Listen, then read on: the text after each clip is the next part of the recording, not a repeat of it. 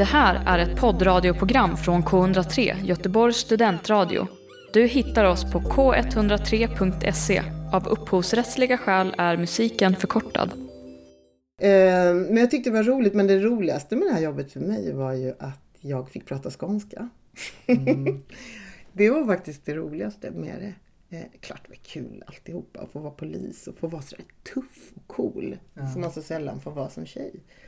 Bara få på sig den här munderingen, hur man liksom kropp, det händer någonting liksom med, med hela kroppen. Man får pondus och, och röra sig på ett annat sätt. Som, som jag inte har fått göra så mycket tidigare. Det var jättekul. Men mm. också att det var Malmö. Så det var lite sådär knyta upp säcken för mig. Komma hem eh, eh, så. Och få återupptäcka min födelsestad. Jag heter Henrik Bergen. Jag heter Håkan Hellström. Hej, det här är Timo Räisänen. Det här är Björn. Och Daniel från Flames. Du lyssnar på, på K103. K103. Göteborgs studentradio. Välkomna till andra säsongen av Äkta känner äkta. En podd om teater och film. Jag heter Marcus Standoft, jag är skådespelare och lärare. Under säsong två kommer ni tillsammans med mig få möjligheten att blicka in i olika kulturarbetares liv. Dagens gäst heter Anna Cise. Hej Anna! Hej Marcus! Vad kul att ha dig här. Ja, Hur är det roligt att vara här. Jag tror att jag mår bra. Jag har inte känt efter så mycket men eh, mm. det var kul att, att göra lite, liksom en liten ny bekantskap här med dig. Ja, ja. Du, jag måste säga att du har en väldigt så här pigg energi. Har jag det? Ja. ja. Så jag Gud. tänker att du, du är frisk och... Ja, men det är jag. Och... Ja, peppar peppar. peppar det är jag. Ja, jag har inte haft varken corona eller något annat. Eh, ja, men det har jag faktiskt. Ja, ja. Nej, men jag mår, mår bra. Ja.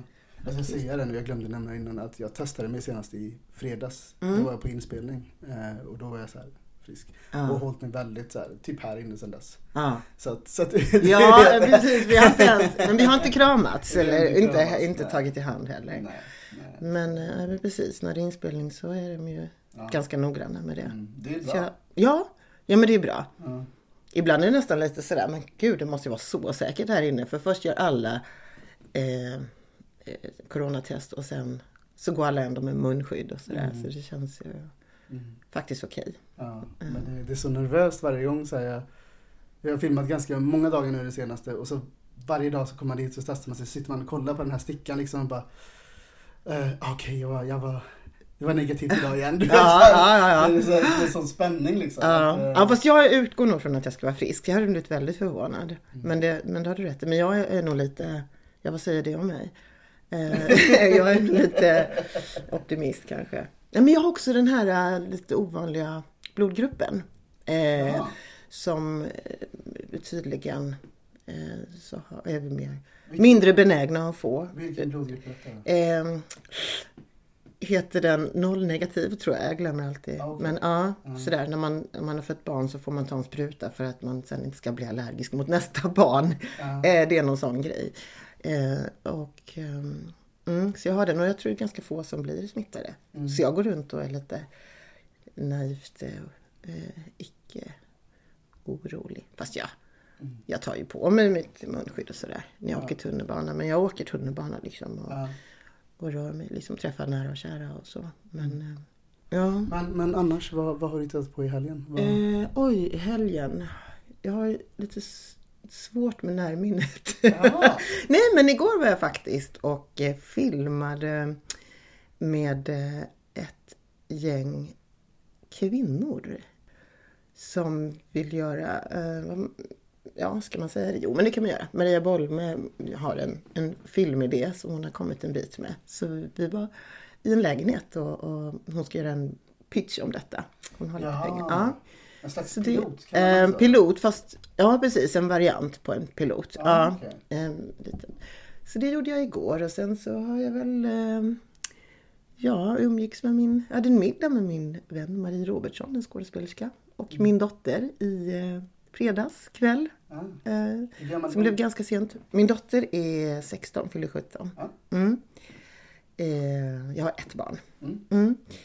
Eh, ja, det är väl det. Och sen, jag tycker man håller på hela tiden. Ja. Alltså det är det ena och det andra. och eftersom det här är en, en podd om teater och film så eh, eh, fick jag också en sån här self-tapes förfrågan i helgen som var sådär jätte två jättelånga scener på avancerad engelska som också förstörde lite min eh, liksom, känsla av att åh, det är helg. Så ligger det som en sån där, åh, hur bråttom var det nu då med det här? Och, oh, vad jobbigt. Nu måste jag börja plugga in det här. Eh, Så, så mm, jag, jag, jag är lite, jag älskar inte jag gillar att vara ledig. Jag tycker sällan man, man, får, man får inte vara i fred liksom, på det sättet. Sen har jag egna projekt som jag, jag håller på med. Sådär. Så, ehm, men så det kom som en liten, åh vad kul, men också åh vad jobbigt Ja. grej. Vad- hur, hur bra är din engelska? Ja, hur bra är den egentligen? Jag tror att jag, jag kan nog vara ganska bra på uttal. Men jag har inte jätterikt ordförråd inser jag. För jag fick ju sitta och översätta ganska mycket. Jag har aldrig bott i något engelskspråkigt land. Så att jag, eh, men jag, jag tror att jag, jag, jag har fått höra att jag har ganska bra uttal. Eh, och jag är ganska lätt för dialekter och sådär också. Så jag kanske har någon, något, eh, kanske att jag är också ganska musikalisk. Så det kanske hänger ihop med det. Men ehm, ja, nej, jag, jag, det finns mer att önska när det gäller eh, liksom, hur rikt språket skulle kunna vara. Ja, det är klart. Ehm, Jag får fråga en sak. Mm. Hur, hur går du tillväga när du gör dina self-tapes? Ja, gud. Det är, det, det är nog lite olika beroende på förutsättningarna, tror jag. Eh, omständigheterna. Men ehm, jag har någon idé om att eh, jag skulle nog inte sådär spela in mig själv på datorn eller på och sen spela emot mig själv. Där, det skulle jag inte palla. Du tar hjälp av någon? Ja, då tar jag hjälp av någon och tvingar någon stackars dotter eller kompis eller något sånt där som att spela emot. Eh, men jag, har, jag skulle önska att jag hade någon sån här standardsätt. Där jag eh, hade någon som jag eh, alltid ringde, nu kör vi det här. Men det har jag inte. Nej.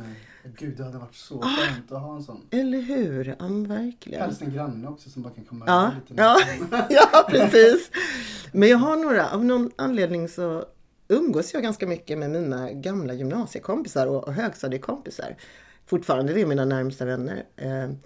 Eh, Så jag har precis kommit på, för jag gick ju teaterlinjen på gymnasiet. Så jag har precis kommit på att, ja men shit, de kan ju spela mot sådär. Så att eh, nu har jag eh, tagit hjälp av en gammal gymnasiekompis, Anna-Karin Palm heter hon. Hon bara, åh jag kan ju inte det här. Hon gör ju helt andra grejer nu. Men liksom just det att, just det. Så att, ehm, eh, ja, nej men jag vill helst ha någon som spelar emot lite grann. och så är jag jättepositiv, du är skitbra, du är skitbra, fan det här funkar ju. så de får lite självförtroende så. Och sen, eh, ja, får man ju göra det bästa av det. Det är ju inte särskilt kul. Alltså det är ju verkligen, det är väl ingen som tycker. Eh, Stå i ett kök och... Ja. Jag ska, berätta sen när vi har poddat klart det här. Ska jag Mm. berätta om en self-tape jag gjorde häromveckan. Ja, Vi pratar mer om den sen. ja. Vi ska Men- inte prata om dig nu alltså. Nej, jag tänkte vi, vi sparar det sen när vi har stängt av. Ja, Men eh, du, vi kastar Mm. oss ut direkt. Vi ska köra tio snabba. okej. Mm. Ja. Har du hört något avsnitt innan? Ja, det har jag. Jag lyssnade faktiskt på Amanda.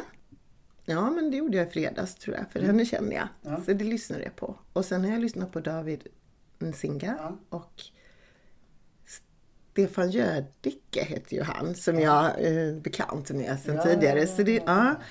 Men då är du lite förberedd. ja, så jag vet vad det är. Ja, men då kör vi igång till det. Ja, kör. K103. Fullständigt namn. Anna Njai Cise, Ålder? 49. Hur känns det att vara 49? Ehm, mm, det känns... Det känns... Nej, men det känns jobbigt tycker jag att bli äldre. Och komma närmare döden liksom. Det tycker jag. Ehm, men det känns ganska bra. Alltså man känner sig ju, det blir bättre med åren. Nu ska jag inte säga man. Eh, Jag känner mig mer trygg ju äldre jag blir i mig själv. Jag tror att det är ganska vanligt. Man bryr sig inte så himla mycket. Alltså, man, man får perspektiv. Man ser vad som är viktigt och inte. Och så. Och man... Eh, ja, men, just det här att ja, men så här blev jag. Take it or leave it. Lite så. Eh, det, ja, det är faktiskt väldigt jättefint. skönt. Det är en skön känsla. Man behöver inte bevisa sig. Eller liksom, ja, det, jag är sån här och då, ja. Ehm, så det blir ju skönare med åren. Och ehm, Ja, och, och när man är yngre så har man ju mycket så här, åh jag ska göra det, jag ska göra det. Det har jag ju fortfarande. Jag känner mig ju ganska ung, eller på ett sätt detsamma att jag har visioner och saker jag vill göra. Ehm, men det, det är lite mindre stressat tror jag. Och lite så här, ah, det ordnar sig. Det blir nog bra. så. Mm. Ja, så det är lite skönt. Bästa filmgenre? Eh, ja, det är nog drama. Kan du säga en bra dramafilm? Ehm, direkt kom eh, en film upp som hette Hemlighet och lögner. Eh, Mike Lee-film. Honom tycker jag väldigt mycket om. Nej. Nej, den är väldigt eh, otroligt bra skådespeleri. Nu har jag ju lite namnafasi så jag kommer inte komma på vad de heter. Men det är en historia om eh, en eh, kvinna som söker upp sin mamma. Hon är bortadopterad och söker upp sin mamma. Hon är själv eh, ja, men medelklass. Det det handlar mycket om liksom, klassperspektiv och så. Det tycker jag är jättespännande. Och hitta sin mamma. Hon är, hon är en svart tjej. Och hittar sin mamma i en eh, eh, vit arbetarklass eh, kvinna. Eh, och så deras möte där. Det är helt, alltså den, den filmen ska man se. Att den är ganska... Vilket år är den ifrån? Den är nog 90-tal tror jag. Okej, men var kan man se den här? Ja, men... Den här ja, vill jag se. ja, den är så bra. Och det är sådana fantastiska karaktärer som de har verkligen hittat. Så den är väldigt rolig. Man skrattar och den är ja, väldigt rörande. Ehm, ja, men den hittar man om man googlar. Jag vet faktiskt inte var den finns nu. Nej, men man Men, kanske eh, kan streama den någonstans. Ja, absolut. Det kan man. Ja, den, den är väldigt, väldigt bra.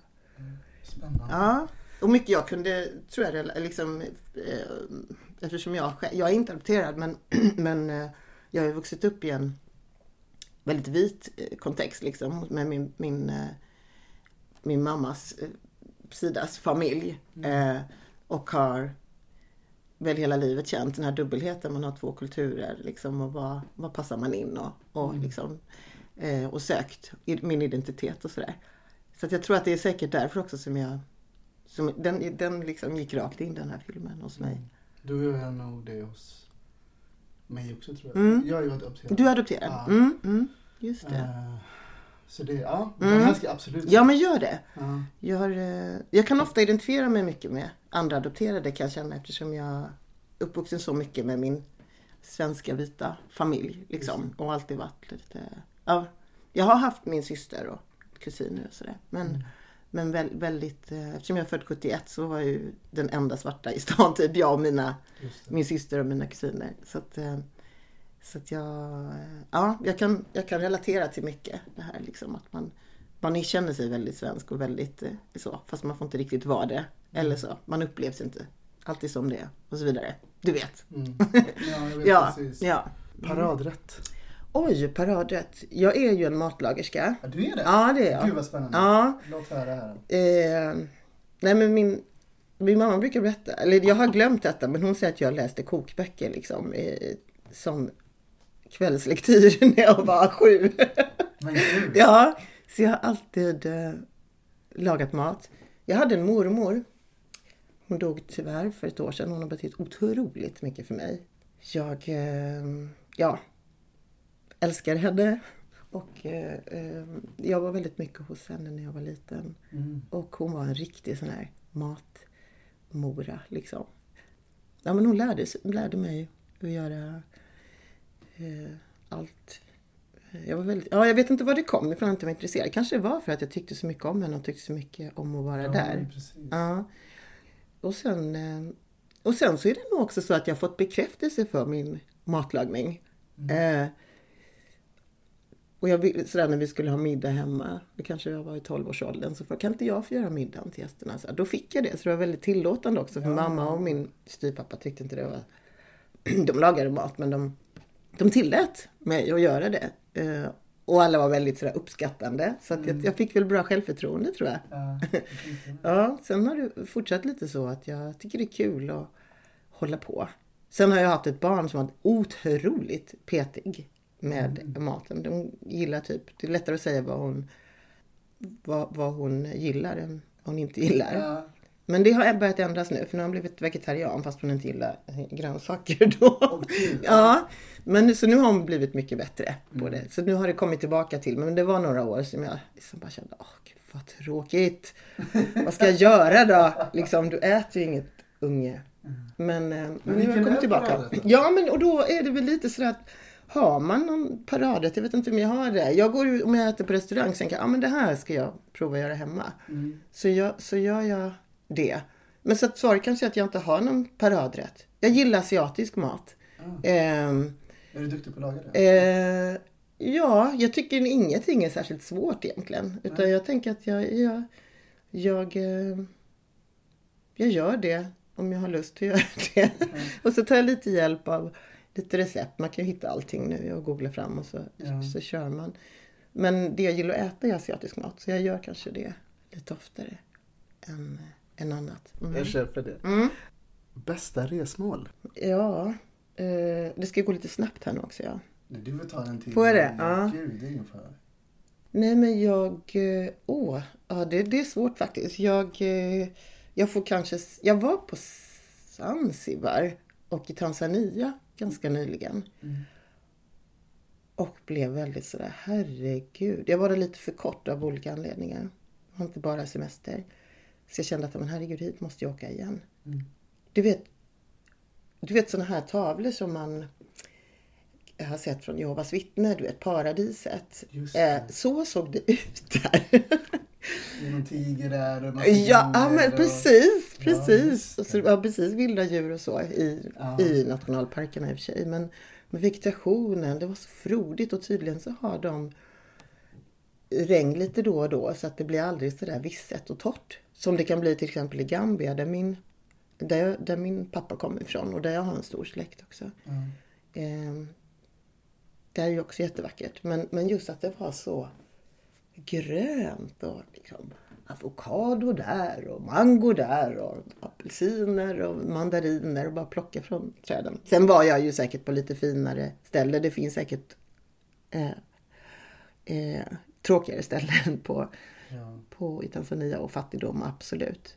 Eh, men just att det var så frodigt och grönt och vackert. Det var en väldigt fin upplevelse. Jag träffade nya vänner där också. Eh, så det var väldigt positivt. Men annars Afrika har jag varit en del runt.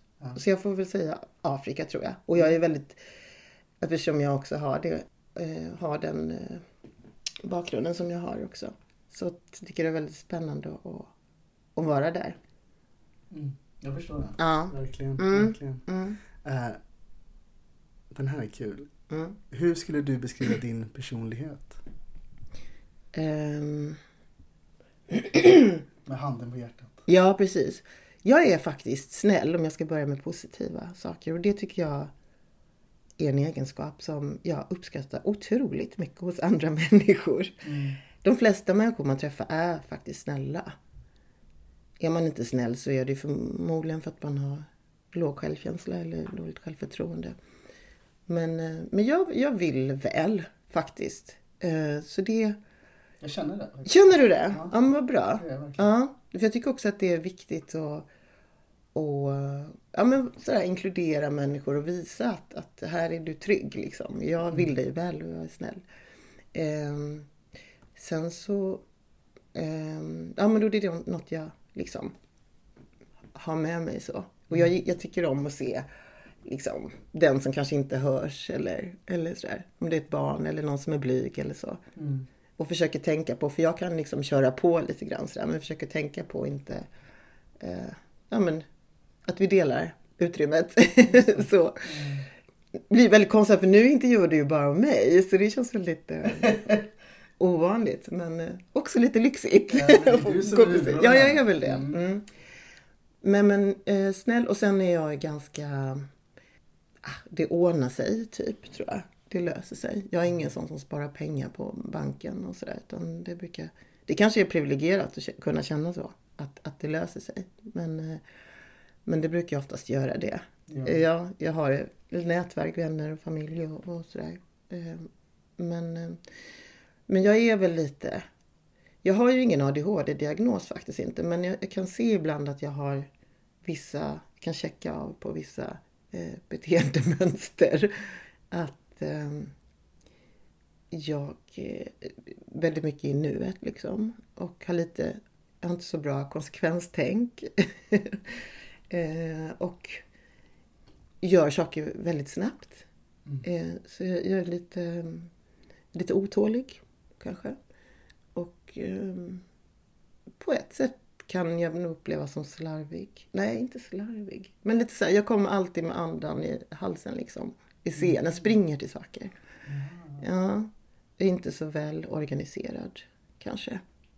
Ehm, Men är detta Mm. någonting du önskar att du blev bättre på? Ja, det vore ju praktiskt också. Men det finns ju någonting i mig som inte vill. Som strider emot? ja, jag, har inga problem att springa till saker. Jag, jag, jag motionerar ju aldrig så att det är väl min motion. eh, ja, nej men jag, jag gillar att... Eh, nej men nej, det är väl också lite så här med åldern. Nu är jag väl så här liksom. Så länge man är respekt, försöker vara respektfull mot andra människor så inte de får lida. För, att- för att jag har bråttom. så... Eh, men jag kan ju också vara lat. Alltså jag, jag gillar ju, jag hatar ju att gå upp på morgonen. Jag gillar att ligga länge och, och liksom tänka och sådär. Jag har inte så bråttom att komma igång på morgonen men när jag väl är igång så, så, eh, så är jag lite, kan jag nog uppleva som lite effektiv och sådär. Tror jag. Det är, det är så kul att du säger att du brukar springa till saker men här var du fem minuter tidig fast Ja. fel hotell. Ja, jo, ja men det, det härligt. jag känner såhär, åh vad typiskt mig. först fick jag, jag fick först fick jag för mig att jag skulle vara på Gärdet. Kollade på morgonen och bara, nej det var i stan, gud vad skönt. Jag åker, eh, åker dit vi ska träffas och är fem minuter för tidig. Och bara shit. Det är inte illa. Nej, men då, då passar jag ju på att göra något med de här fem minuterna. Då, han, liksom, då trycker jag in något där. Då sprang jag och letade efter någonstans att köpa kaffe och sådär. Så det är ju jag har väldigt svårt att stå och vänta på någonting. men så hann jag i tid och så var jag på fel hotell. Ja. Men det var ju inte så långt Nej, gud, därifrån. Du, du var ju i krokarna. Jag var ju där. Mm, så kom jag ändå för sent. Jävla skit. Mest uppskattad egenskap hos en annan människa? Ja men det är nog snäll. Mm, du inte dina faktiskt. Ja, jag ska tänka om det finns något mer. Eh, ja, men generositet är väldigt sympatiskt och attraktivt hos en människa. När man gör saker för någon liksom, som inte har med en egen vinning att göra. Så, det tror jag. Eh, man får ju alltid igen saker kan man ju tänka om man nu vill tänka på det sättet. Eh, karma, ja. får- Ja. Det får man ju. Men eh, man kanske får det på ett sätt som man inte hade väntat sig kanske. Men eh, ja, Ly- lyssnande människor är ju också väldigt sympatisk. Som, som kanske är intresserade av sin omvärld. Jag försöker också vara det. Jag kan babbla på om mig och mitt men jag försöker också lyssna. Eh, ja, det låter så klyschigt allt man säger men det är... Tycker det låter ja, fint. Mm. verkligen. Stjärntecken? Jag är jungfru. Eh, är du det? Ja! Jaha, vilket datum är du född? Första september. Okej. Du Mm. då? Jag är född 22 september. Eh, och dagen efter min födelsedag så är det vågen. Så att jag, jag, och när jag läser om vågen så tycker jag att det stämmer in väldigt mycket på mig där. Eh, men känner du dig som jungfru? Ja. Gör du det? Är du organiserad? Ja, det ska jag säga. Ja, för det har jag ju redan avslöjat att jag inte är. Men annars, kan du beskriva en jungfru? Ehm, ja men du får hjälpa mig då. För, men jag tror att hon är ganska ehm, välorganiserad. Är hon. Och eh, är ganska okonstnärlig. Nej, men hon Har håller... inte du läst det här? Nej, det kanske... Har inte du läst det? Nej. Nej, okej. Nej, Jag har fått för mig att hon inte håller på med något konstnärligt direkt sådär. Ganska strikt och lite stram. Eh, kan inte du hjälpa mig? Du. Ja, eh, alltså jag, jag, gud, jag ska bara säga, jag är ingen expert, men, Nej. men det jag ser framför mig är att jungfru är men organiserad, Ja, ja. Eh, gillar att ha koll på saker, Mm. eh, men också varmhjärtad, Mhm, godhjärtad, mm, mm. eh, kärleksfull, Mhm, skulle mm. jag säga. Mm. Ja, men det passar ju säkert in på oss ju. Jag tänker att Jag tycker du känns kärleksfull också. Du tycker det? Ja, verkligen. Ja. Men det här att hon är kritisk, Mm. det har jag läst också. Kritisk både mot sig själv och mot andra. Att man inte köper saker, det kan jag nog identifiera mig lite med. Mm. Alltså att man är så här, ja ja.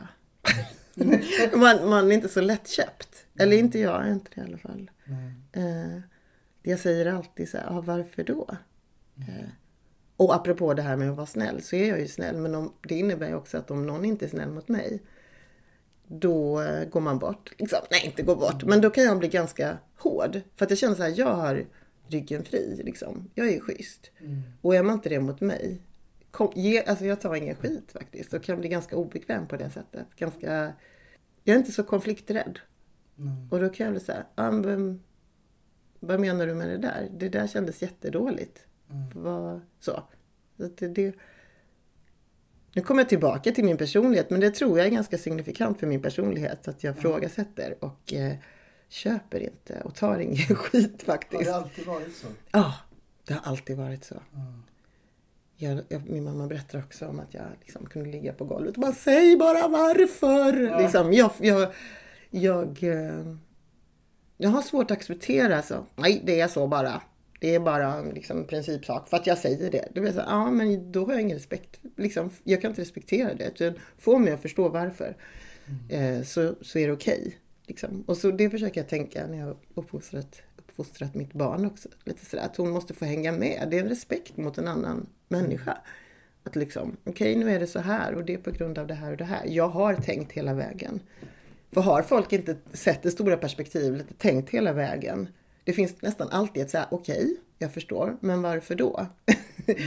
och, och kan man svara på det och, och eh, motivera det, då, då är allt frid och fröjd. Man kan tycka olika också. Så här, jag, jag säger det här för att jag tycker så här. Men att bara liksom bestämma över folk och, och, och så, det har jag svårt för. Jag vill alltid förstå liksom. Tar du med dig den här sidan på jobb också? Ja, gud ja. Mm. Jag är nog en sån som upplevs som lite obekväm och bråkig. Eh, tror jag. Ibland. Alltså snäll, snäll, snäll. Tills liksom, nej, det här, vad är detta? Vad berättar det här? Vad blir detta? Liksom. Och då kan det faktiskt vara lite jobbigt ibland att vara skådespelare, tycker jag. Därför att man ska ofta göra någon annans idé av någonting. Liksom. Så då, Och får kanske inte allt förklarat alltid. Nej, eller kanske inte alltid ha koll heller. på allting. Nej, men det är ju, jag har verkligen jobbat ganska aktivt med, speciellt de senaste åren med inkludering och representation och, och sådana saker. Och eh, ja, men det vet ju du också, att är man svart och i, i en vit värld och i en bransch som, som är väldigt vit så är det svårt att bara jag har ett annat perspektiv, så är det bara. För jag har levt i den här kroppen i 49 år. Så jag har en kunskap. Eh, och jag har en kunskap som, eh, som kanske oftast inte regissören har. som ska, så. Och eh, jag vill inte bara vara någons verktyg. Jag är livrädd för att vara alibi. Eh, eller liksom check på mångfald, check på sådär. Så att där, det blir ju så naturligt. Att det finns ju ingen som eh, som rasifieras som inte har de här tankarna eller har det här med sig, tror jag, i varje jobb man gör.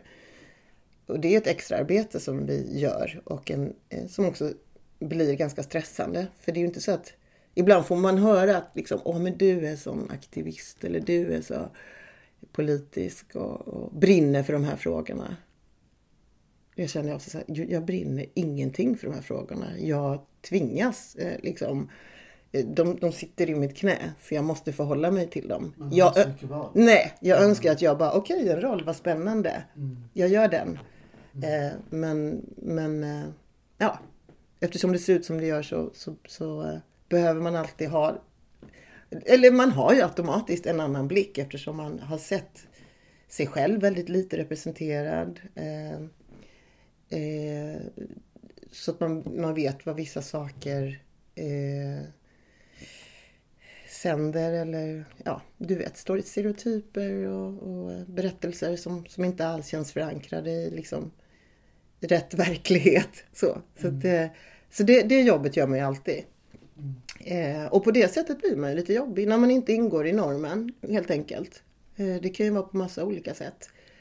Och man, man är en tänkande människa som bryr sig om och som lever i ett samhälle som där SD har, vad är det, 20 procent av. Där man faktiskt upplever rasism i sin vardag, i stort och smått. Det går inte att inte förhålla sig till det. Även i det här arbetet där vi skildrar verkligheten och livet och, och så.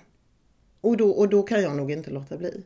Och bara, okej, okay, varför står det vad alla har för... Jag sitter på en kollationering, min senaste produktion, så här står det fyra roller varav den enda rollen som står vad den har för etnicitet är min. Är så afroamerikan. Mm. Och det är väl fine, liksom. Men vad är de andra? Mm. Liksom? Varför står det, är de, kan de vara asiater? För det spelar roll att jag är svart i den här eh, pjäsen. Men de andra då? Varför står det inte vad de har för hudfärg? Det är bara självklart då att de är vita, de är norm. Och det är ju ingen annan som tänker på det än jag. Så att jag kan inte jag låta bli att bara förstöra stämningen lite. Bara, varför står det inte vad ni har för hudfärg? Liksom så. Mm. Eh, och då måste jag, det är nästan lite Tourettes, då måste jag säga det. För att eh, mm, jag kan inte låta bli. Mm. Det stör mig. Så det måste ut. jag fattar, jag är med det där. Men tycker du, eller har du upplevt att, i alla fall på senare tid, att din omgivning är förstående i detta? Ja. Det... Varför är du där och liksom frågar? Mm, mm. Jo, och det har ju blivit mer och mer faktiskt. Jag gick ut scenskolan år 2000 så jag har jobbat ett tag. Um, absolut att jag ser en skillnad. Det är väl mer det att folk blir lite tycker det är lite jobbigt men de vill förstå. Mm. Det, det, och, och skäms lite. Och tycker det är lite jobbigt och pinsamt och sådär. Eh, men då tänker jag att det får vi tycka. Alltså det är helt okej. Okay. Det finns ju massa saker som vi inte kan, som vi inte vet, eftersom vi inte har perspektiven. Så tycker jag att eh, det får vara lite jobbigt, men det är väl helt okej. Okay. Då kan man lyssna. Ah, hur känner du då? Ja, ah, men jag fattar. Oftast är det mest det man vill, att en människa bara ska lyssna på mm. en. Och bara okej, okay, ah, ja, just det. Jag har inte tänkt på det här, för jag har inte eh, den erfarenheten. Mm. Så att, det, det är väl mest det. Sen kan man gå vidare. Sådär. Mm. Men man, man vill bli lyssnad på. Ja, förstår. Mm, och det känner jag faktiskt att jag blir mer och mer också. Vad hade du velat säga till ditt tioåriga jag? Um, just det. Uh, ja, jag är ju... Ja, uh, oh, gud vad svårt. Tioåriga jag. Mm jag var nog ganska bekymmersfri liksom. Och har alltid tyckt att jag själv är okej och sådär och haft vänner och, och så. Även om livet verkligen har bestått av både smärta och sorg och glädje och sådär. Men... Eh, oh, vad svårt. Eh, någonting som jag kanske lite mer Får jag svara på en annat sätt som ja. är lite likt? Nej men någonting som jag skulle ha velat haft mer av kanske. Är lite vägledning. Det kan jag känna. Mm. Eh, och lite så här, du, du, du kommer hit, liksom, alltså att någon puffar lite hit, lite dit. så Okej, okay, hjälper mig lite grann i riktningen. Så, för att jag känner, kan känna att jag har liksom oj, nu händer det här och sen händer det där. Och lite mer, eh, lite mer fokus på vad jag, vad jag vill mm. eh, göra och lite hjälp i det. Sådär. Å ena sidan, å andra sidan har jag ju vunnit mycket av också. Eh, ja, att inte vara så jäkla att inte ha en strategi, inte ha en plan, inte ha... Så att, men, men lite hjälp hade jag nog behövt på det sättet. Ja, men det är verkligen gott och ont. I min familj har man fått jobba på Konsum om man vill. Man får liksom bli statsminister och man får liksom ligga på sofflock. Man får, det är väldigt tillåtande faktiskt. Jag kommer från eh, arbetarklass, eh, vit arbetarklass miljö liksom. Där man, det finns inte en massa krav på vad man ska göra men inte heller liksom någon, någon, något självförtroende i att du kan bli vad du vill. Du kan liksom, utan det är lite, ah, det blir lite som det blir. Så jag kan känna att jag hade behövt lite, lite riktning liksom. Lite hjälp med det. Det hade underlättat i mitt liv. Eh, men av någon anledning, jag har vuxit upp med bara en mamma. Så där, min pappa fanns i periferin liksom. Men eh, jag har nog inte lidit så mycket av det. Utan jag har känt mig älskad och, och eh, accepterad och liksom så i min familj. Och det är väl det som har varit viktigast. Jag har haft vänner och sådär. Så att, eh, uff, ja, nu flummade jag ut här. Nej men det var jättefint. Var det någon slags Ja, jag tycker det. koppling? Ja, En vägledning. Alltså, ja, ja, ja ja, precis. Mm, Sista här då. mm. Vad vill du göra med resten av ditt liv? Jag tycker att jag har världens roligaste jobb faktiskt. Jag inser det. Gud vad lyxigt det är. Även om det har en baksida. Med liksom att man inte kan planera sin... Vad ska jag göra till sommaren eller sådär. För det kan alltid dyka upp saker eller så. Och ja, att man inte kan planera sin ekonomi. Man vet inte hur det kommer se ut och så. Men jag tycker jag har väldigt roligt oftast. Och inser det mer och mer om man jämför med andra människor. Vad lyxigt det är. Så jag vill fortsätta jobba, göra roliga, hamna i roliga sammanhang och sådär. Sen har jag köpt en, en gård på Gotland och det ja, så fantastiskt. Med några vänner. Så att, eh, det känner jag. Där, och jag går runt och bara, åh, där ska jag ha en liten scen, musik ska vi hålla på med där och där ska jag ha en dansstudio. Där ska, för det är liksom en bondgård och massa ytor liksom. Så att, eh, ja, det är det som, som jag går igång på just nu. Mest att jag vill göra saker där och vara där och fixa och greja så. Men om man får vara frisk och så, så vill jag fortsätta att jobba. Och eh, sen har jag det ganska bra, liksom. Som jag har det. Vad fint. Ja. Hur kändes det att göra de här? Ehm, jag kände mig alltid lite så här pladdrig. Och lite okontrollerad. Eh. Vad blev det här nu då? Så. Nej, men det känns helt okej. Ja, Mm. vad bra. Vad bra. Mm, mm. Eh, Anna, jag har Mm. gjort en sammanfattning om dig. Oj. Mm. Mm. Du ska få höra den här nu. Men eh, är det någonting som är tokigt här så får du stoppa mig. Och så gör vi om rätt, Mm. helt enkelt. Yes. Eh, Men Anna, du är skådespelare.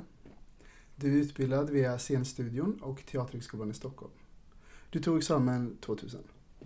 Yes. Eh, vad är Scenstudion för någonting? Matthew Allen som nu är en av huvudlärarna på scenskolan. Han började, jag tror faktiskt att det var han som tog hit en teknik som hette Meissner-teknik. Och hade en, var det studiefrämjande tror jag som hade eh, en utbildning där han var lärare. Så att det var en, en, en, en teknik, en skådespelarteknik som vi höll på med där. Jaha. Som jag faktiskt tyckte var väldigt bra. Jag lärde mig minst lika mycket där som senare på scenskolan. Eh, Men var det som en kvällskurs? Eller Nej, nej, det var dagtid? heltids. Ja, det var dagtids. Hel, heltidsstudio. Ja. Eh, Men som sagt, han började på scenskolan sen och jag tror kanske att den försvann just. Men den var väldigt, väldigt bra. Mm. Mm. Mm. Efter utbildningen så har du arbetat både på scen och framför kameran. Du har arbetat på teatrar som Dramaten, Stockholms stadsteater, Riksteatern, Teatern Tribunalen och Uppsala stadsteater. Och i rutan har vi kunnat se dig i produktioner som eh, Stora och små män, Skeppsholmen, Äkta människor, Solsidan, Hamilton och nu sist men absolut inte minst Tunna blå linjen som har visats på SVT under våren.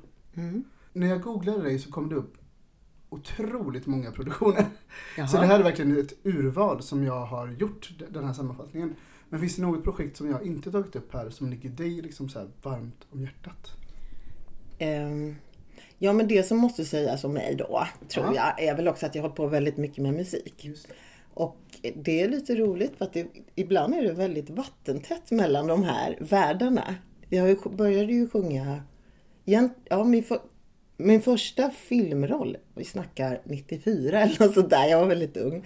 Nej, 94, ja, det var i alla fall 90-tal. Hur gammal var du då? Jag Eh, ja, vad- 20 kanske, något sånt där. Ja. Eh, då eh, såg jag i, i liksom dagstidningen, åh de söker en svart skådespelerska och hon ska kunna sjunga.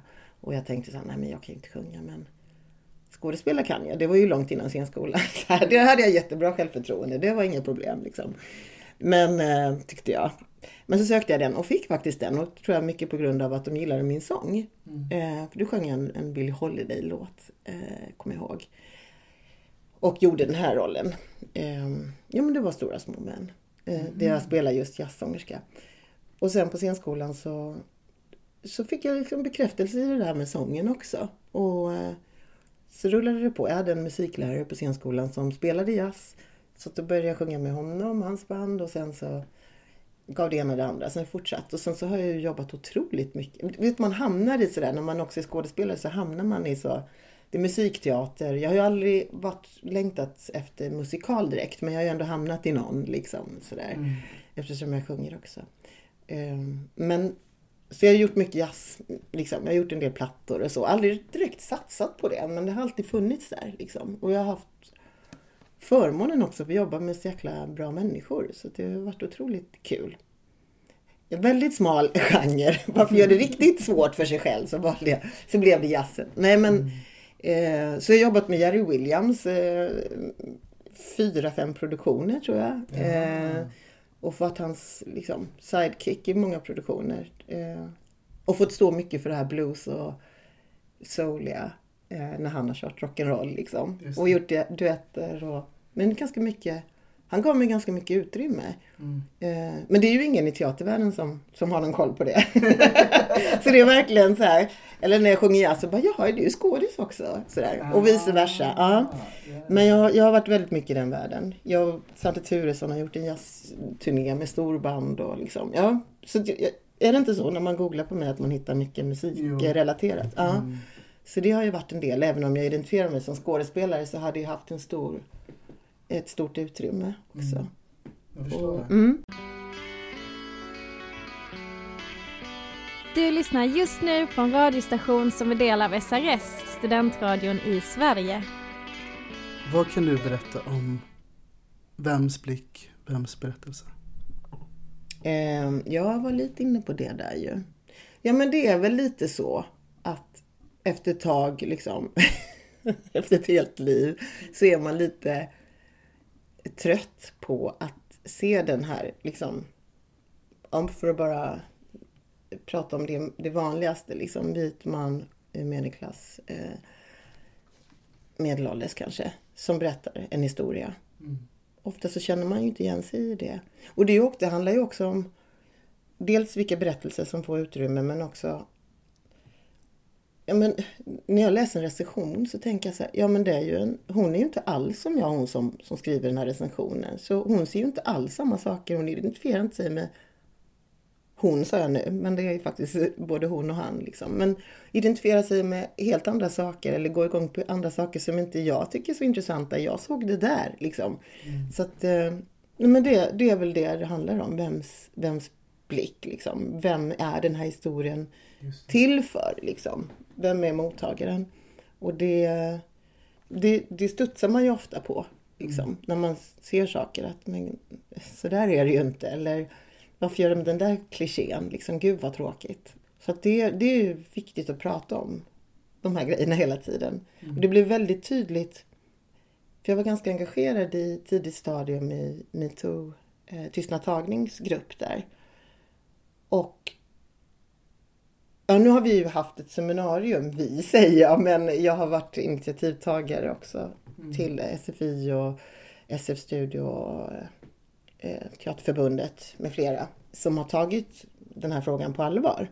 Eh, men det, det kom ju sig utifrån, det är sprunget ur tystnad tagning. Ja, okej. Eh, ja, och den rö- rörelsen. Eh, där det ja, blev så att många tjej, kvinnor som rasifieras, jag använder det uttrycket, som har en annan etnisk bakgrund, eh, skapar en egen Facebookgrupp. För att det skavde. Det kändes liksom, mm, vad, vad är det här liksom? Varför?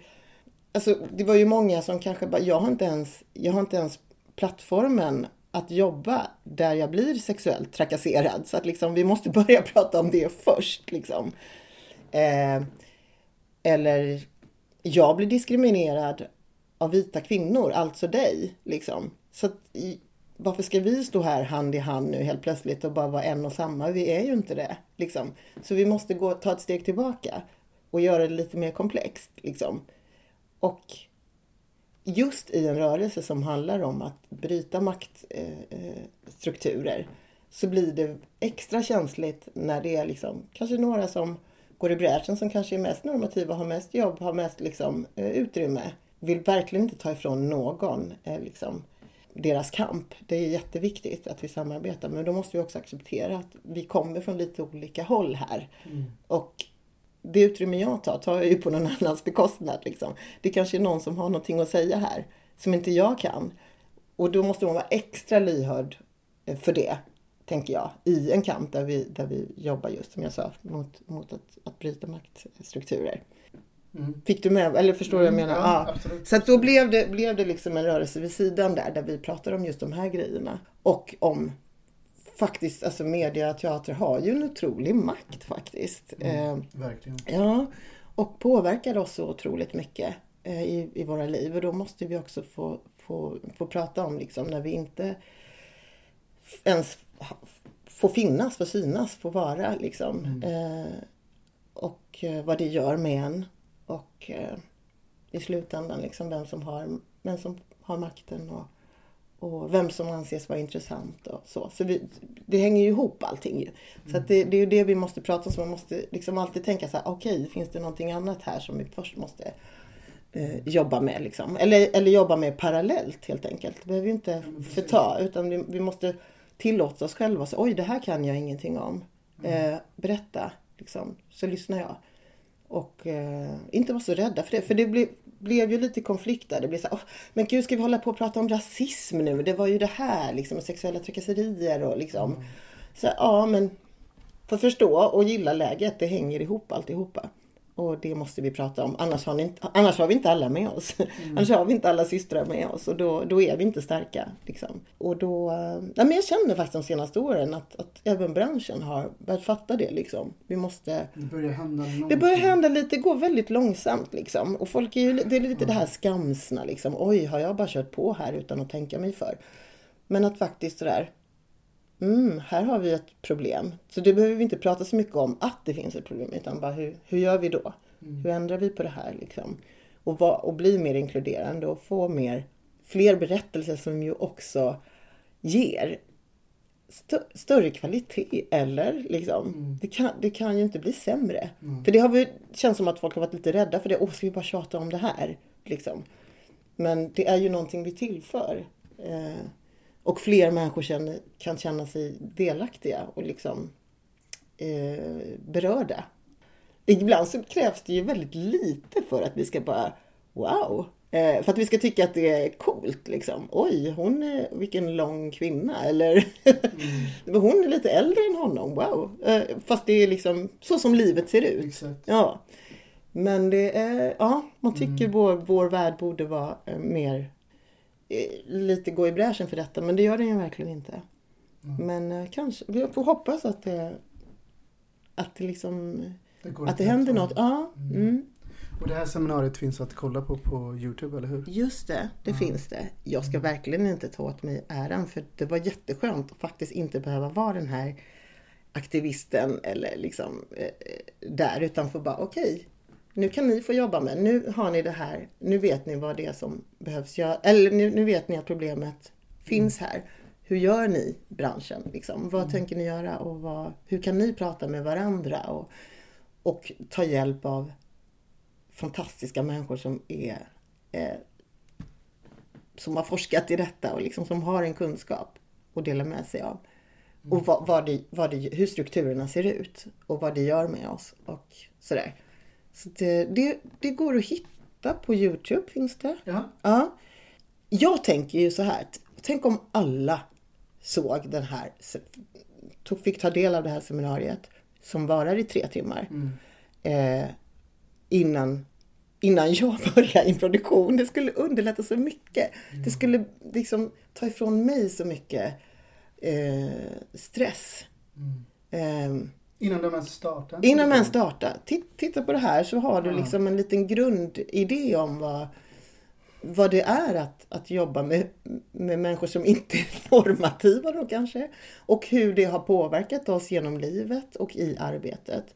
Mm. Och eh, liksom vilka strategier vi har hittat och sådär. det, bara, det, det, är väldigt bra. Det heter väl Vems blick? Vilka kvinnor? Mm. För, och det kommer ju från tystnadtagning där. Okej, vi pratar om kvinnor, men vilka kvinnor pratar vi om? Eh, och Vems blick, ja. Så det sammanfattar, man får väldigt mycket kunskap om man eh, tar del av det. Anna, hur, hur, hur såg din uppväxt ut? Född i Malmö. Mm. Eh, på Rosengård bodde jag i fyra år tror jag. Så det var skåning, så det var mitt första mm. språk. Eh, som jag nu har fått leta fram långt bak i, i, i, Tunna blå. Det var jätteroligt. Nej men jag föddes där och sen min, min mamma var det väl. Min pappa fanns med i bilden där också. Han är från Gambia. Eh, men, men eh, gled lite iväg. Eh, så. Men jag har, vad är det? Han har tio barn tror jag. Elva barn. Som jag alla har kontakt med. Nu har min pappa dött. Men jag har en relation till mina syskon som bor i wow. USA i England, i Kambia, i Sverige. Sådär. Men jag är uppvuxen i Värnamo och i Hårda som ligger utanför Värnamo där min, min svenska sidas familj är sprungna ur. Eh, ja, vad ska man säga? Den var väl... Jag var ganska arg. Ett argt barn. Eller både glad och arg. Starka känslor tror jag.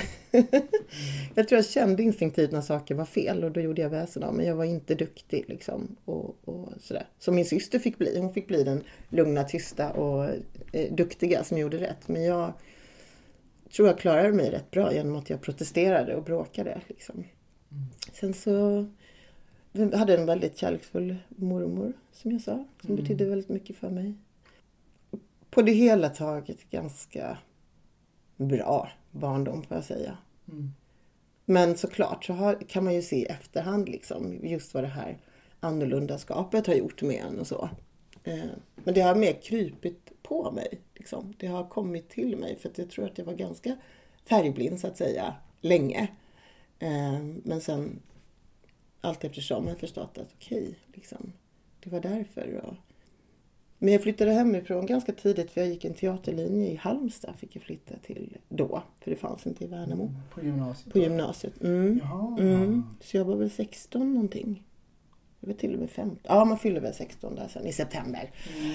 Ehm, så jag var väldigt ung när jag flyttade hemifrån och det kände jag, det var inte en dag för tidigt. Då. Men det var ju väldigt kul att komma liksom och bo själv och vara nya vänner och som hade samma intressen. Så Men jag, då, då gick jag faktiskt en danslinje. För jag dansade mest som barn. Ja. Det var min, min stora passion. Ja. Det fanns väl inte så mycket teater heller men jag började dansa. Och den linjen var dans och teater. Så, att, så att då bytte jag faktiskt över till teater sen. Det var där jag upptäckte teatern och då var det liksom ingen no way back. Nej, mm. Men, jag, men dans var min, liksom, jag blev lite sedd där också av en mm. danslärare och turnerade lite faktiskt tidigare. Okay. När jag som liten. Ja, så, eh, jag var en liten dansstjärna i Värnamo. ja. Kan du beskriva din tid på scenskolan? Jag hade faktiskt kul. Hade jag. Eh, jag tror att jag jag träffade en, en skådespelare, eller en, en eh, gammal klasskamrat, Martin Aliaga. Han sa till mig nu så här i efterhand, han bara, fattar inte vad du gjorde. Han tyckte att jag var så oseriös, för själv var han så seriös. han bara, du bara fladdrar omkring där och liksom så. Så jag, jag, jag, jag tog nog i det. jag, jag var väl lite sådär, åh nu går jag här och eh, ibland kunde jag liksom lite i mungipan sådär, humbug, liksom så. Det här, vad är det här för flum? Men jag gjorde det, men liksom jag hade nog lite distans till vissa saker som jag inte tyckte att det... Som du inte köpte liksom? Som jag inte köpte, eller som jag tänkte, vad ska jag med det här till? Liksom. jag tyckte vissa saker var lite för flummiga. Jag kände så här, jag, till exempel röstteknik. Det har jag ju lärt mig efter scenskolan. Det var inte bra för mig på scenskolan, den röstteknik. Den kanske var bra för andra, men det var för flummigt. Jag ville veta konkret, liksom sådär, hur gör jag? Hur? Mm. Eh, jag, så. Det fanns säkert bra grejer med det, men eh, men det som, det som jag på det hela taget tycker var bra med scenskolan var att man fick vara jag tillät mig också då vara dålig. Eh, göra saker och eh, testa, testa på och bara Göra fel. göra fel, göra liksom på olika sätt och, och sådär utan att bli bedömd. Jag, har- jag, har- jag, har ing, jag är ingen karriärist. Jag, jag vet också att det kanske är tidens anda att folk är lite mer så här, jag ska jobba, jag ska göra det och det. Men det, mina år har verkligen så här, jag är här nu, ingen annanstans liksom. Eh, och det var, ja men som sagt, det var den andan att man, man gick upp i det nu. Liksom, tänkte inte så mycket på världen utanför. Och bara få hålla på. Så. Det var, så jag hade mest kul och träffade, liksom, jag älskade att vara i den där världen. Tycker skådespelare får oförskämt, eh, har oförskämt dåligt rykte om att vara självupptagna. Så jag tycker vi är ganska trevliga, intressanta människor.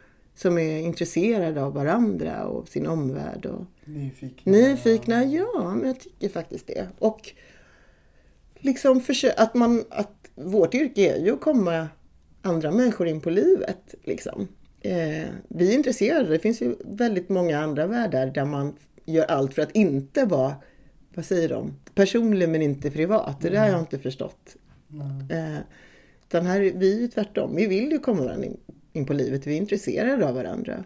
Och mänskligt beteende och, och sådär. Så jag tycker det är sympatiska människor. Eh, Hur många gånger sökte du innan du kom in? ehm, jag sökte ganska många, eh, kan varit sex kanske. Mm. Och det var, ja, precis, jag, när jag gick den här teaterlinjen så sökte jag första gången. Jag fick dispens för att söka för jag var 17 år. Ja. Och då, eh, och då var jag uppe i sista provet. Sådär. Jag hade ju typ aldrig varit på teater. Vilket jag också tror kan ha varit en, en dygd. Att jag har liksom ingen föreställning om vad, vad, vad, hur man ska göra.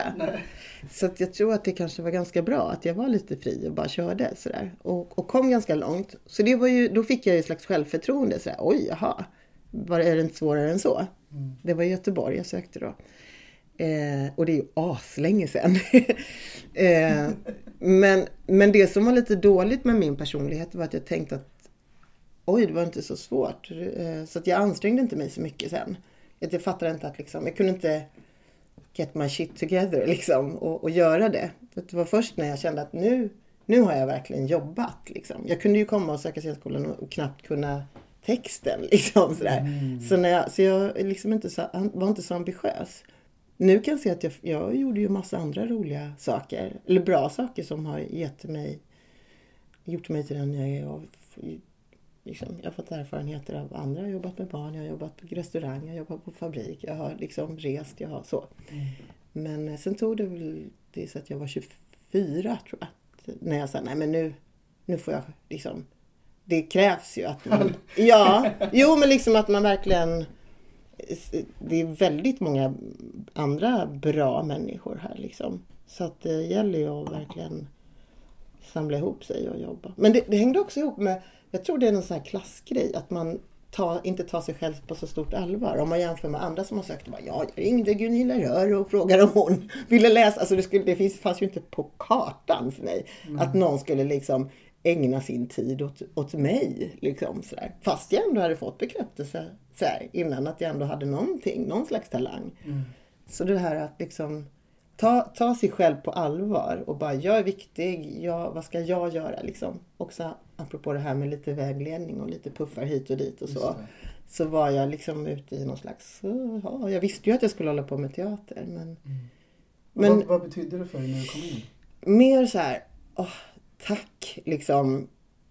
Pu, liksom, snarare än jippi. Eller är det så här, åh, tack för den, det skulle ha hänt tidigare kände jag nog då.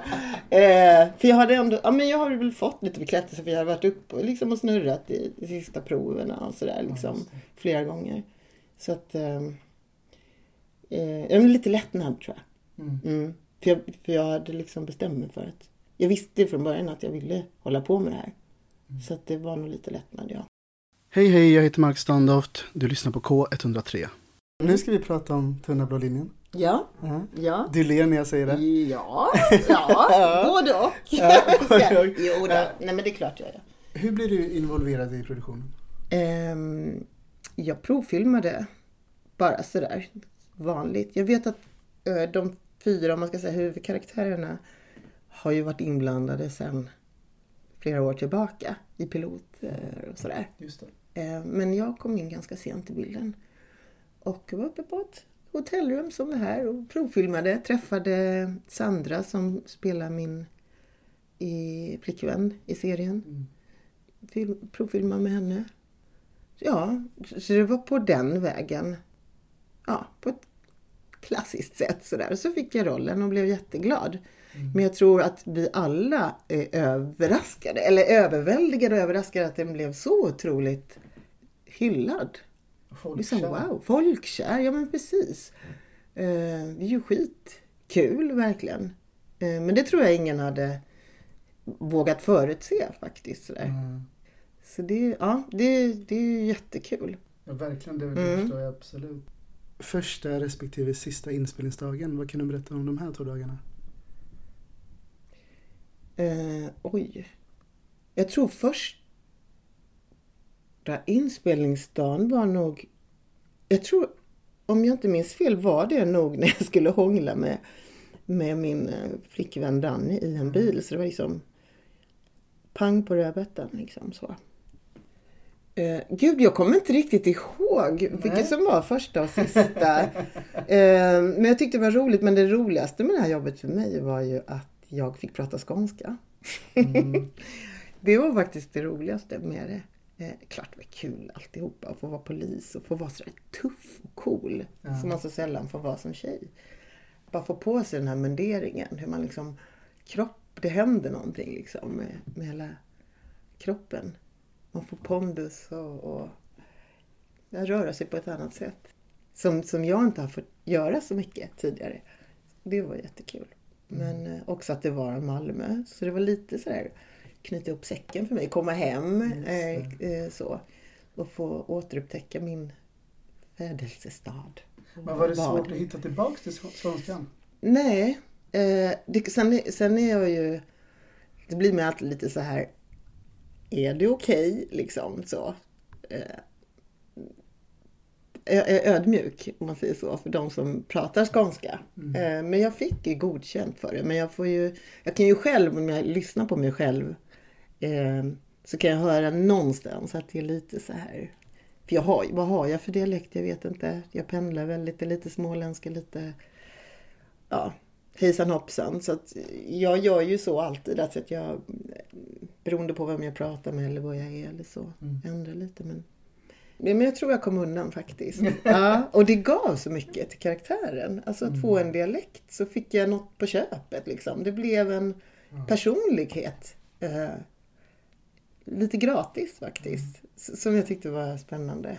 Jag trodde ju att när du skulle komma hit nu att du pratade skånska. Ja, du trodde det. Ja, just Så det. jag blev lurad. Ja, vad... Åh, Det, bra! det, det, det är bra tycker Ja, jag. tänker med. Jag, så- och jag såg, det finns ju någon sån här Facebookgrupp där folk är helt galna liksom. Eh, På Tunna blå linjen. Snacka om Tunna blå linjen tror jag den heter. Där, eh, ja, jag har upptäckt den ganska sent men där är ju folk så jäkla engagerade i det. De liksom analyserar varenda replik och vänder och vrider på. Fint. Ja, och alla relationer. Vad tror ni kommer hända här? Och så. liksom. Jättetrådar vad de tror kommer hända. Och varför kände hon så? Varför gjorde hon så? Men där så stod det i alla fall. Hon som spelar Fej, eh, hon måste väl ändå vara malmöit. Något sånt där. Ja, för det var mycket med det här med dialekten. Då kände jag yes! Ja. Det, det är ett bra Ja, så det blev jag väldigt glad för. Mm. Du, hur såg förberedelserna ut inför rollen? eh, liksom både... Vi fick ju gå en liten utbildning eh, med Jimmy Anderley som är polis också, skådespelare. Eh, vi fick lära oss grepp Mm. och begrepp och eh, så. En liten intensiv eh, kort utbildning. Eh, Hur lång är en sån? Eh, ja, men av väl några dagar tror jag. Mm. Sådär. Jag vet inte om de andra har jobbat mer. Nej, jag tror inte det. Det var det. Och sen så har vi ju haft med oss poliser hela tiden under inspelningens gång. Riktiga poliser som man har kunnat... Eh, ja, en del har staterat, en del har bara varit där för att liksom feedbacka och, och liksom Eh, nej, men det så här gör vad jag man. visste faktiskt. Mm, mm, mm. Så det har ju varit superlyxigt. Ja, när du kommer ut ur polisbilen då gör du en, den här lilla grejen. Liksom. Du känner på ditt hölster. Så. Alltså, även sådana små saker. Ja. Som kanske också har gjort att den har blivit så autentisk och, och nära verkligheten. Och att, fått godkänt av ganska mycket poliser. Så. Men sen är jag ju, som jag har sagt, en ganska kritisk person. Så jag, det finns ju ganska mycket i serien som jag tycker kan bli bättre också. Apropå vems blick och eh, stereotyper. Och, och, och eh, har sedan dag ett bara, okej alla är vita här. Eh, Malmö har 60 procent eh, människor med annan etnicitet. Men okej, det är ni som ska berätta den här historien. Ja, blir jag genast skeptisk. Och då väcks den här lilla minoritetsstressen i mig. Eh, så så jag har säkert upplevt som obekväm där också. Men eh, också jätterädd för check på mångfald, check på gay, check på så. Så att eh, jag har blivit med åren också liksom tänkt att det är inte värt att göra saker som, man inte, som inte känns bra i magen. Eh, absolut, jag är etablerad och kanske kan liksom kosta på mig och, och säga nej liksom. Men, men oavsett, eh, jag behöver ju också jobben liksom. Eh, men jag nästan att jag ser det som lite skönt och bara, nej tack, det där, det där var för ointressant liksom. Jag frågar alltid så här, "Ha, har ni några andra svarta med i eh, produktionen? Eftersom ni vill erbjuda mig den här lilla skitrollen. och har de det, då kan jag med. Ja, men då kan jag tänka mig fundera. Men jag vill inte vara någon check på mångfald. Eh, då säger jag nej tack. Och det känns bra att göra det. Eh, Det förstår jag verkligen. Ja, så att, men och, och eh, Tunnan blå går inte helt fri heller, även om de, men kanske också så här att den är så bra. Och det är sån kvalitet och den, liksom, den är annorlunda. Och kanske att man får ännu högre krav på en serie som är bra och som gör anspråk på vissa saker. Då blir man extra petig bara, mm, liksom, hur blir det här? Jag är intresserad av vad händer med de två svarta killarna som precis har blivit visiterade för 25 gången. Jag skiter i om ni är kära eller inte. Där har ni tappat mig. Jag är kvar hos de killarna liksom. Så.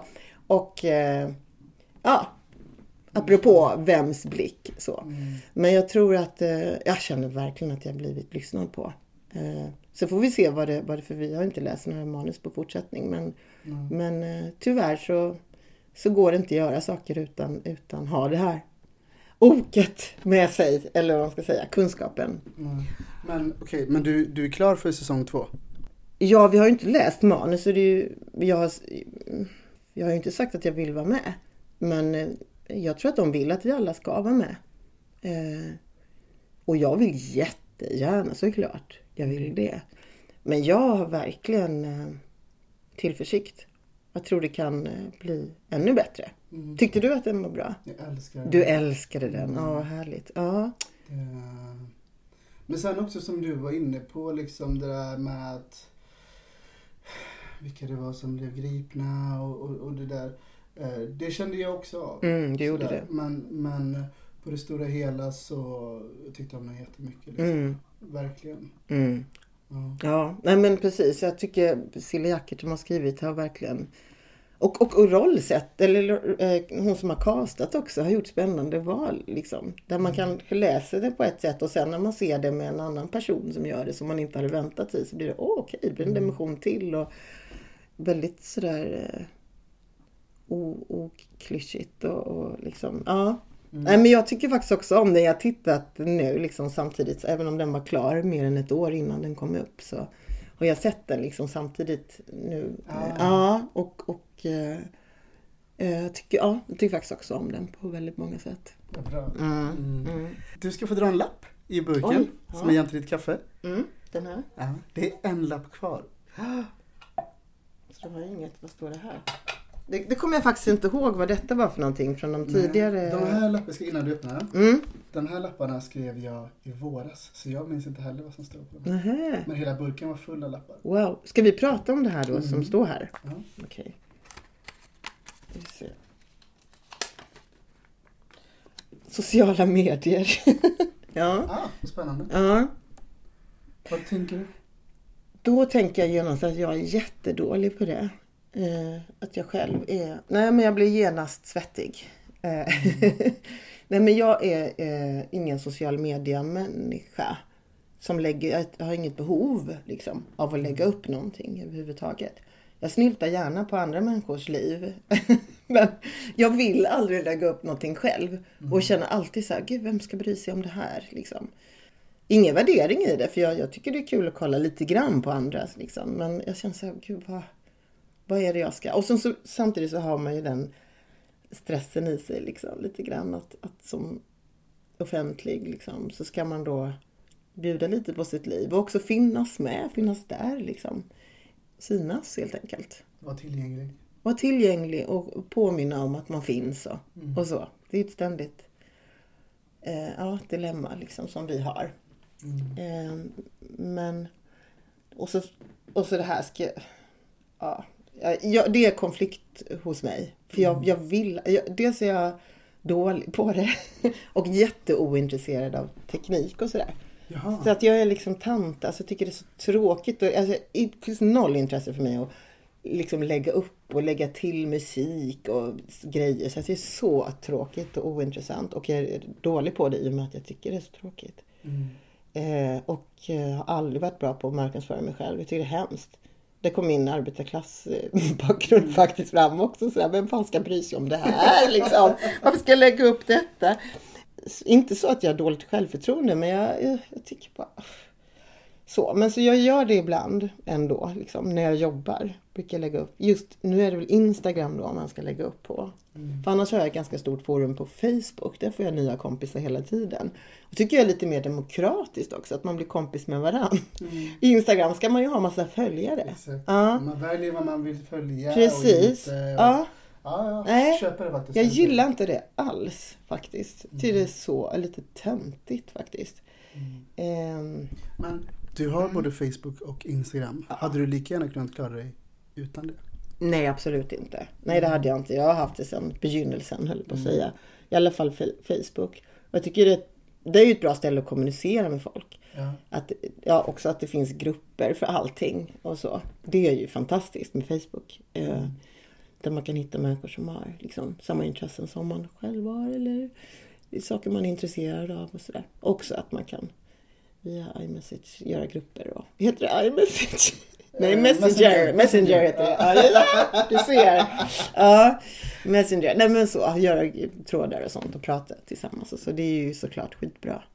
Ehm, Men sen blir det så här konflikt, vad ska man lägga upp som är privat där? Och sen så är det lite olika vad som gäller just nu och liksom så. Mm, det gäller att hänga med. Det gäller att hänga med. Det det. Ja, och så har jag så olika världar. Jag har musikvärlden, jag har liksom teater och film, jag har liksom, ja, vad är det mer? Den Familjen och så. Ja, men så. privata. Ja, privat, ja. Så att det är lite svårt att navigera i det där tycker jag. Jag fattar. Du, jag har ställt massa frågor till dig nu. Här kommer en fråga som inte är ställd av mig. Om du fick ett trollspö där du kunde förändra en sak i världen, vad skulle det vara? Mm.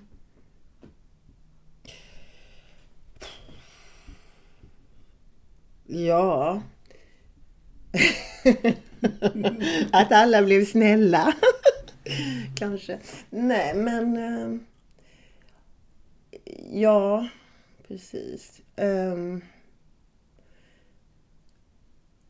ja, det är ju så himla eh, stor, bred fråga. Men det måste ju handla om någonting om, om eh, empatin hos folk. Men den bygger ju också på att man har haft en trygg och kärleksfull uppväxt. och, eh, och sådär.